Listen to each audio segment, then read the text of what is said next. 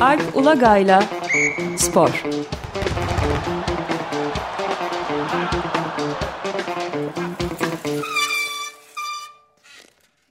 Merhabalar Alp Bey, günaydın. Günaydın Özdeş. Evet bu hafta Ömer Bey bizimle değil, haftaya devam edeceğiz. Elbette. Ee, ne konuşuyoruz bu hafta?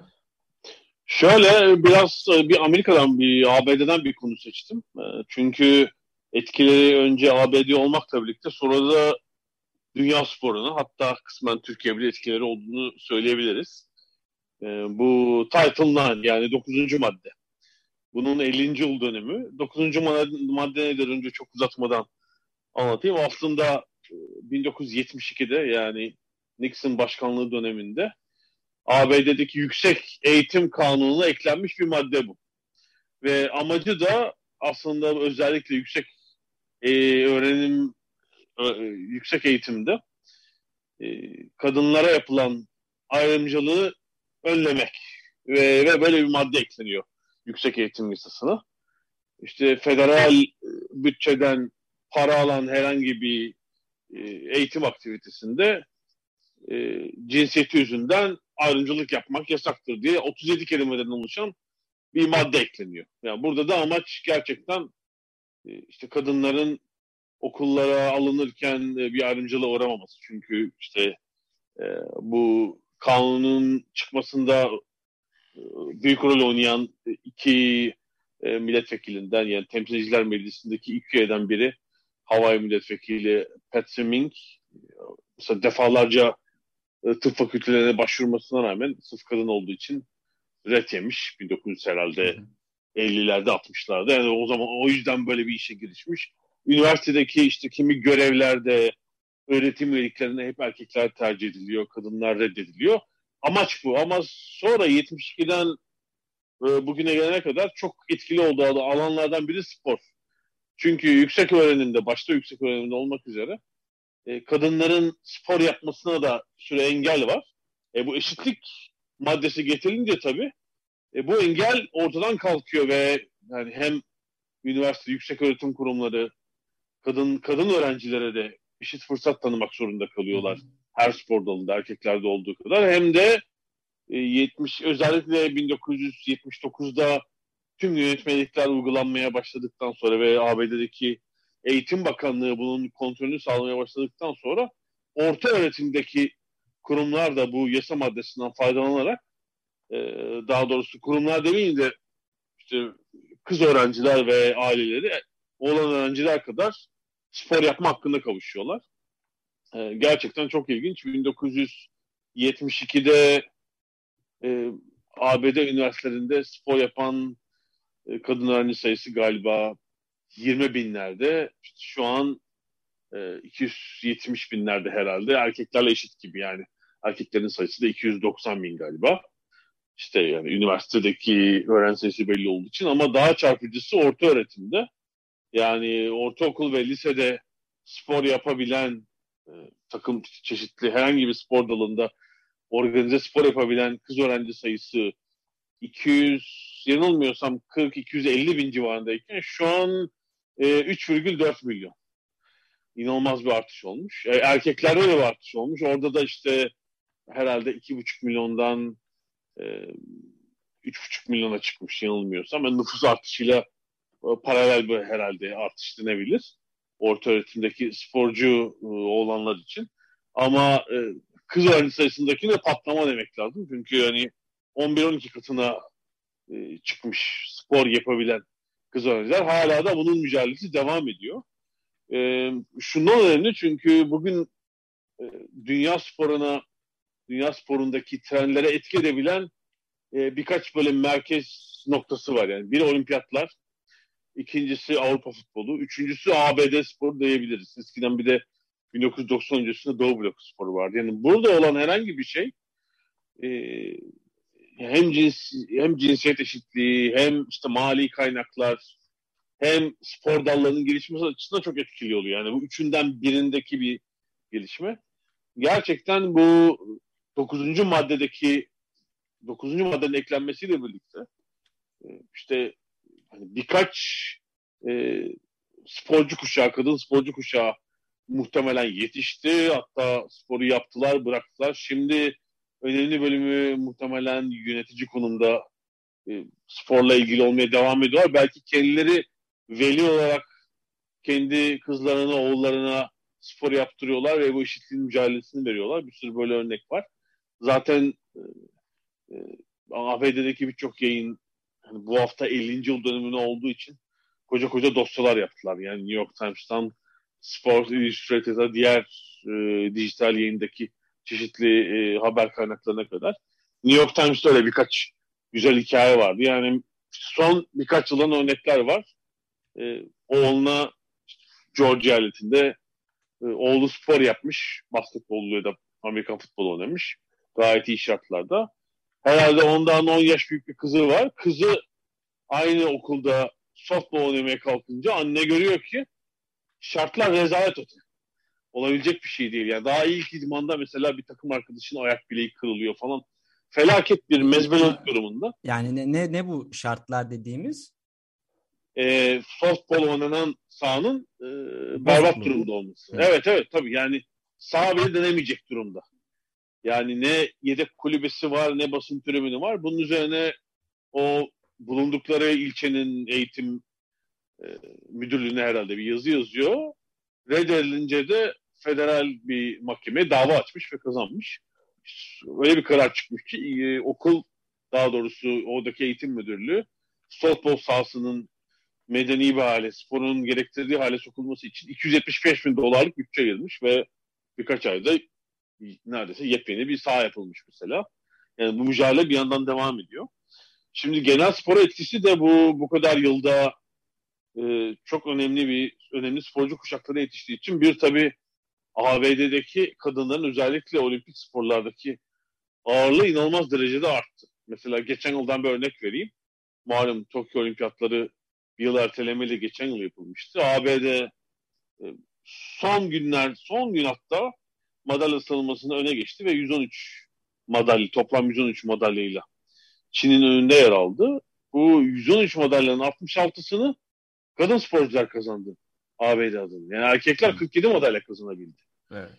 Yani her dalda ABD'li kadınlar tabii madalyaları topladıkları gibi takım sporlarına da işte basketbol, voleybol, 3-3 basketbol, su topu burada da altın madalyaları e, aldılar.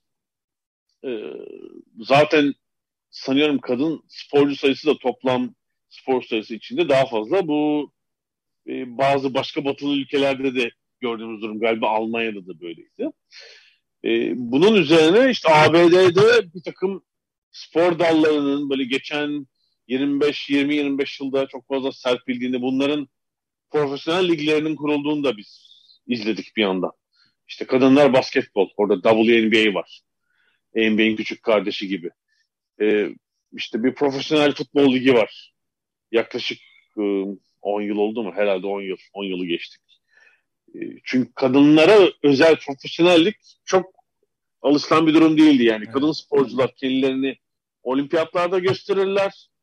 İşte birkaç yıl belli spor dallarında denebiliyorsa denirler. Sonra spor kariyerleri biter para kazanamadıkları için. Şimdi e, bir ligin, profesyonel bir organizasyonun olması bu kariyerin tıpkı erkeklerde olduğu gibi uzatılabildiği anlamına geliyor. İşte hani basketbol iyi bir örnek. Evet. Ee, işte voleybolda bir küçük deneme var. Ee, geçen sene kuruldu galiba. Maç sayısı az ama orada bir girişim var. Bu sokeyinde iki küçük lig var.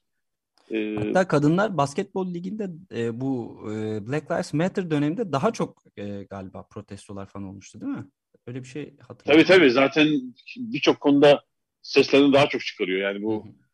sürekli bir hak mücadelesinin içinde olduğu için kadınlar, Hı-hı. kadın sporcular. Yani tenis hariç tutuyorum. Tenis uzun zamandır çok erkeklerle eşit düzeyde profesyonelliğe sahip bir spor dalı evet. zaten. Tüm dünyada. O yüzden ABD hani 40-50 yıldır çok üst düzey profesyonel tenisçiler çıkarıyor. Yani bu işin öncüsü zaten Amerikalı kadın tenisçiler daha doğrusu. Yani tenisin kadın tenisinde profesyonelleşmesinde büyük pay sahibi var. Ya Billie Jean King işte hala müthiş saygı gören bir e, spor kişisi ABD'de. E, işte New York'taki e, ABD açığın düzenlediği tesislere ismi verilmişti. Herhalde bir ne zaman? Son 10-15 yıl önce olabilir. Ee, yani oraya o tesise ki kontrol çok sıkıdır. Akreditasyon kartı olmadan gelen tek kişi olabilir. Tesis evet. ismi verildiği için. Yani başka hiç kimse herhalde boynunda kart olmadan sporcular bile oraya giremez. O giriyor mesela. Ee, tabii e, yani bu mesela futbolun ABD'de büyümesi e, dünyadaki kadın futbolunun dünyada da bugünkü durumuna gelmesinde büyük pay sahibi. Çünkü uzun süre kadınların erkekler gibi futbol oynamasına izin verilmemişti. İşte bu e, 9. madde o kanuna eklenene kadar aslında genel durum böyle. Yani kadınları hep işte kırılgan, kendilerine uygun sporları yapabilecek bir cins olarak görme yanılgısı her alanda olduğu gibi. Yani bunu kırmada çok önemli bir etkisi var e, 9. maddenin. Futbolda da e, işte erkekler ağırlıklı Amerikan futbolu, beyzbol, basketbolu gittiği için futbol 70'lerin sonuna itibaren 80'lerde ağırlıkla e, pekişerek e, kız çocuklarında e, bir numaralı spor haline geldi ve ABD dünyanın en güçlü futbol, kadın futbol ülkesi haline geldi. E, 1990'lardan itibaren defalarca Dünya Kupası'nı kazandılar, olimpiyat şampiyonu oldular. E, şu anda bu güçlerini muhafaza ediyorlar. E, Birçok Amerikalı kadın futbolcu da e, başka ülkelerde yeni kurulan profesyonel liglerde futbol oynamaya devam, devam ediyor. İşte e, son Dünya Kupası'nda kazanmışlardı zaten. E, şimdi bunun e, yansımalı dediğim gibi belli spor dallarının güçlenip mesela olimpiyatlarda yani e, kadınlar olimpiyatlarda futbol oynamazdı. Herhalde ilk 92'de kondu oraya. Olimpiyatın önemli parçalarından biri ama bir yandan e, Kadınlar Dünya Kupası çok önemli bir turnuva haline geldi. Her seferinde daha fazla ilgi çekiyor, daha fazla seyirci çekiyor, daha fazla sponsor çekiyor. Bundan sonraki turnuvalarda arttığını işte bir sonraki Dünya Kupası Avustralya'da daha da büyüdüğünü göreceğiz bu işin. Ee, bir de şöyle bir şey bu e, eşitlik demek aynı zamanda işte hem üniversitede üniversitede kadınların erkeklerle eşit derecede kaynaklara sahip olması demek hem de burs imkanına sahip olması demek tabii. Yani muhtemelen milyonlarca genç kadın bu burstan yararlanıp işte hem spor yaptı, belki bir kısmı işte olimpiyat gibi üst düzey turnuvalara gitti. İşte birçoğu da bir üniversite diplomasına sahip oldu. Ee, ama bu burs aynı zamanda e, Amerikan üniversitelerindeki burslar biliyorsunuz dünyanın tümüne açık. Yani e, şu anda bile herhalde Türkiye'den oraya gitmiş, burs sayesinde oraya gitmiş e, kadın tenisçiler, voleybolcular, basketbolcular var. Bu çok yeni de değil yani son 30 yılda sayı çok yüksek olmamakla birlikte e, Türk kadın sporcularında burs alarak Amerikan üniversitelerinde eğitim gördüğünü, orada kendini geliştirdiğini, diploma aldığını hı hı. biliyoruz. Basketbolda bir yere çok yaygındı. E, herkes dört yılı tamamlamıyordu işte çünkü bir profesyonellik olduğu için para bazen kariyer ağır basıyor. Hani iki yıl okuyup evet geri dönenler oluyor ama hala bu böyle bir eğilim var. E, ee, ABD üniversitelerinde okuyan sporcu Türklerin listesi yayınlanır her sene. Galiba bu sene yüzün üzerinde. Yani bitti Peki, geçen peki şey bir, yani şu anda siz söylediğinizde sadece aklıma geldi bir istatistik var mı? Yani bu profesyonel e, sporcuların basketbol vesaire ne kadarı üniversite bitiriyor? Her, tahminim ağırlıklı olarak bırakıyorlar kariyer falan diye tabii de. Genel Türkler için değil hepsi için yok, mi? Yok evet Amerika'da çok büyük kısmı bitiriyordur canım. Çünkü Öyle yani mi? tabii tabii yani işte orada biraz tabii üniversitelerin şeyi var. İşte, e, sporu eğitimle birlikte yani bursun şartlarından biri e, notlarınızın iyi olması. Hani onun kontrolü vardır. Ama çok büyük kısmı bitiriyordur. Çünkü o e, burslu okuyan bilmiyorum ne kadar öğrenci vardır Amerika üniversitelerinde. Burslu okuyan e, sporcu öğrencilerin diyelim önemli kısmı çok üst düzey, üst düzey kariyer yapamayacak. Yani spordan para kazanabilecek kadar bir kariyer yapamayacak. O yüzden eğitimlerine asılmak zorundalar. Yani o spor onlar için diploma almak için bir araç ama bir yandan da işte o 4 yıl boyunca ıı, spor yap, organize spor yapmaya devam ediyorlar hangi spor dalıyla uğraşıyorlarsa ki çok yakın döneme kadar ABD üniversitelerinde ıı, sporcu öğrencilik tamamen amatör bir faaliyet. Yani okul burs verir. Bunun karşılığında siz onlara 4 yıl bir amatör sporcu olarak hizmet verirsiniz aslında ki e, o sporcu öğrenciler dışında herkes yani özellikle belli spor dallarında e, büyük paraların kazanabildiği bir kazanılabildiği bir alandı bu. Yani Amerikan futbolu mesela erkek sporcu öğrenciler para kazanamazlar ama takım antrenörü 7,5 milyon dolar maaş alır falan böyle örnekler var yani. Evet. E, çünkü üniversitedeki Amerikan futbolu çok büyük bir sportif etkinlik. Yani e, işte 105 bin seyirci ortalama 105 bin seyirci oynayan takım var falan. Hani böyle bir devasa bir organizasyon. Ama işte bu bir takım öğrencilerin açtığı davalarla o alan bir e, e, yarı profesyonel bir alana dönüştü artık. E, federal düzeydeki mahkeme kararıyla ve e, NIL denilen Name, Image, Likeness yani işte isim, imaj, benzerlik mi diyebiliriz. E, kuralı çıktı ve öğrenciler e, kendilerine spons sponsorlarla anlaşabiliyorlar bireysel olarak. E, aslında bu son iki yıldır başlayan bu sistemin sistemde sponsorluklarının ya da imaj hakları anlaşmalarının üçte ikisi erkek öğrencilere gitmiş ama bunun içinde Amerikan futbolunun ağırlığı fazla. Amerikan futbolunu çıkarınca işin içinden yüzde altmışı kadın sporcularmış. Yani e, erkeklerle Amerikan futbolu dediğim gibi devasa bir olan Amerikan futbolunu ayırdığınız zaman kadın sporcular daha fazla sponsor çekiyorlar. Evet. İşte imaj, imaj hakkı anlaşması yapıyorlar. Özellikle kadın basketbolu, kadın voleybolu, softball, e, jimnastik bunlar inanılmaz ön planda ve öğrenciyken işte bir yandan burslu oldukları halde e, bir yandan da para kazanabiliyorlar. Baya böyle yani sezonluk e, yüz binlerce dolarlık hatta milyon doları bulan e, düzeyde anlaşma yapabilen öğrenciler var. Yani tabii dediğim gibi sayı çok yüksek değildir. Bu ancak ileride üst düzey sporcu olması beklenen işte belki sosyal medyada e, yüksek takipçi sayısına sahip sporcular için söz konusudur ama e, yine de böyle bir durum e, söz konusu. E, şimdi bir yandan yani para da kazanabilecekler artık ve kadın öğrencilere de erkeklere hatta belki onlardan fazla e, ilgi olması e, eşitliğe doğru alınan yolun önemli bir parçası. E, işte tabii yani diğer alanlarda da diğer ülkelere de etkisi var. Dedik ya bir işte olimpiyatlarda mevcut bazı spor dallarının daha üst düzeye çıkması.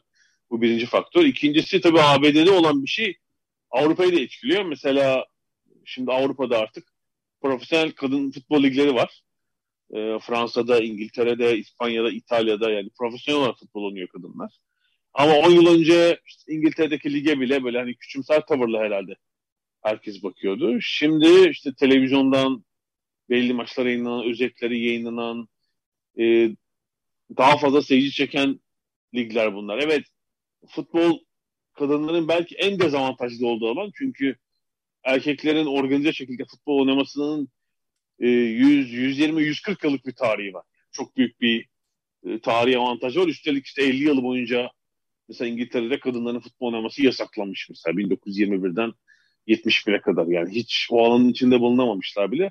Çok geriden geliyorlar ama hızla e, mevki kazanıyorlar tabii. E, şöyle bir ilginç örnek vardı. Şimdi gelecek ay İngiltere'de Avrupa Futbol Şampiyonası var işte takımlar hazırlanıyorlar. İngiltere kampında bazı oyuncularla röportaj yapılmış. Milli takımın sağ beki Lucy Bronze var. 2013'teki bir anısını anlatıyor. O zaman Nike herhalde bir sponsorluğu var, bir şey var. Ayakkabı yollamış bunlara. Ama her, sadece şey istemiş. Yani numara istemiş. Yollamış. Bir daha da ilgilenmemiş. Ayakkabılar e, küçük gelmiş. Diyor bütün turnuvayı o iki, iki oyuncu ayağımızı sıkan ayakkabılarla oynadı. Şimdi ise e, durum tamamen farklı. Yani ayakkabı firması gelip herhangi kim sponsorsa artık e, özel ölçü oluyor. Tıpkı erkek futbolcularda olduğu gibi. Yani ayağı en iyi şekilde rahat ettirecek ayakkabı ölçüsünü bulabilmek için özel bir muamele var. Tüm evet. üst düzey futbolcularda olduğu gibi. Yani 2013-2022 hani arada 30-40 yıldan söz etmiyoruz. Yani 9 yıldaki e, bu ilginin e, değişmesini işte üst düzey kadın futbolculardan hemen görebiliyoruz. Yani bunlar işte İngiliz milli takım oyuncuları 2013'te neredeyken 2020'de 22'de neredeler yani medya ilgisi falan da böyle. Ee, şimdi bunun daha gelişmesi için yani tüm dünyada e, bir e, bir iki aşama kaydedilmesi gereken yer var. Biri tabii medyadaki durum. E, bu herhalde ABD'de de böyledir. Avrupa'da, dünyanın kalanında da böyledir belki birkaç istisna hariç. E, ABD'de sanıyorum toplam ülkedeki ki herhalde rakamı şey yapamıyorum. E, bilemiyorum şimdiki bu kadar platformlarla, dijital yayın platformlarıyla toplam spor alanındaki toplam yayın saatinin yüzde beş buçuğu ya da 5,6'sı olabilir. Kadın sporuna ayrılıyormuş. Yani bu tabii büyük bir dengesizlik hala. Evet. Yani spor yapanların hele üniversite çağı falan e, neredeyse yarısı kadın olmasına rağmen e, yayın süresinin tabii o da profesyonel dünyayı daha çok düşünmek lazım. Sadece yüzde 5,6'sı kadınlara. Evet olimpiyat zamanı falan eşit oluyordur çünkü olimpiyatlarda da kadın erkek varlığı neredeyse tamamen eşitlendi. Bu geçen 40 yılda yani e, sanıyorum Greco-Romen güreş hariç kadınların olmadığı bir spor dalı yok. Serbest güreşte varlar burada. E, diğer bütün dallarda erkeklerle tam neredeyse tamamen eşitliğe sahipler. Yani takım sporları öyle atletizmdeki galiba 50 kilometre yürüyüş hariç tüm dallarda kadınlar yarışıyorlar. Hepsinde varlar. Ee, ama işte ABD'de mesela yayın saatinde böyle bir, büyük bir fark var. Bu tahminim Avrupa'da da böyledir. Çünkü zaten yayın alanının büyük bir kısmını erkek futbolu kapsıyor, kaplıyor ve işte hani o e, devasa bir fark oluşturuyordur. Onun dışında işte basketbolda, diğer alanlarda da bir yaratılan fark vardır. Bu burada bir demek ki bir dengeyi sağlayacak bir şey lazım. Yani bir e, sadece kadınlar kadın sporunun yayınlandığı belki özel saatler mi? Ya buraya bir şekilde sübvanse etmek lazım. Nasıl kadın sporunun mali kaynakları hala profesyonel seviyede kısıtlıysa işte futbol bunun örneği. O yüzden hep söylüyorum yani FIFA seviyesinde erkek futbolunun gelirlerinin kadın futbolunu bundan sonraki 20-30 yıl daha mesela e, desteklemesi lazım. Yani evet e, FIFA'ya, dünya futbolunu yöneten FIFA'ya erkek turnuvaları için veriliyor olabilir o meblağlar ama onun e, daha ciddi bir kısmının bence kadın futboluna aktarılması lazım. Demek ki yayıncılıkta da benzer bir durum e, söz konusu. Yani hala işte bütün bu kanunlara, kurallara, e, üniversite seviyesindeki eşitliğe rağmen e, bu fark varsa e, daha yapılacak tabii çok şey var demektir. E, Türkiye'de buradan bu, bu bahsettiğiniz Hı-hı. kurumlardaki kadın temsiliyeti de tabii bir yandan e, oldukça. Evet, evet, evet, evet. Tabii yani çok yakın döneme kadar zaten e, özellikle uluslararası kurumlarda sporu yönetenlerin herhalde tamamı erkekti. Yani evet. mesela Uluslararası Olimpiyat Komitesi'nin 1981'e kadar olması lazım. Hiç kadın üyesi yokmuş mesela. Sıfır. Şimdi geçen sene galiba ben saydım herhalde 125 üyesi mi var? Kişi kaç, olarak yani kaç kişiden? 125'te herhalde 35 falan kadın var. Yani bir, bir noktaya kadar çıkılabilmiş. Yani sıfırdan evet. tabii ki bahsettiğimiz yani 1880 değil yani 1980 yani nispeten evet. yakın bir tarih. Ee, bir küçük aşama var ama o işte yani şeylere bakıldığı zaman uluslararası spor federasyonlarına onu da ben saymıştım galiba. 5 federasyonun yani sadece başkanı uluslararası federasyonun kadındı. Ee, yani orada da tabii bir erkek egemenliği söz konusu. Hele futbola girildiği zaman hiç kadınlar yok yönetici şeyde. Yönetici kesimde ciddi bir fark var.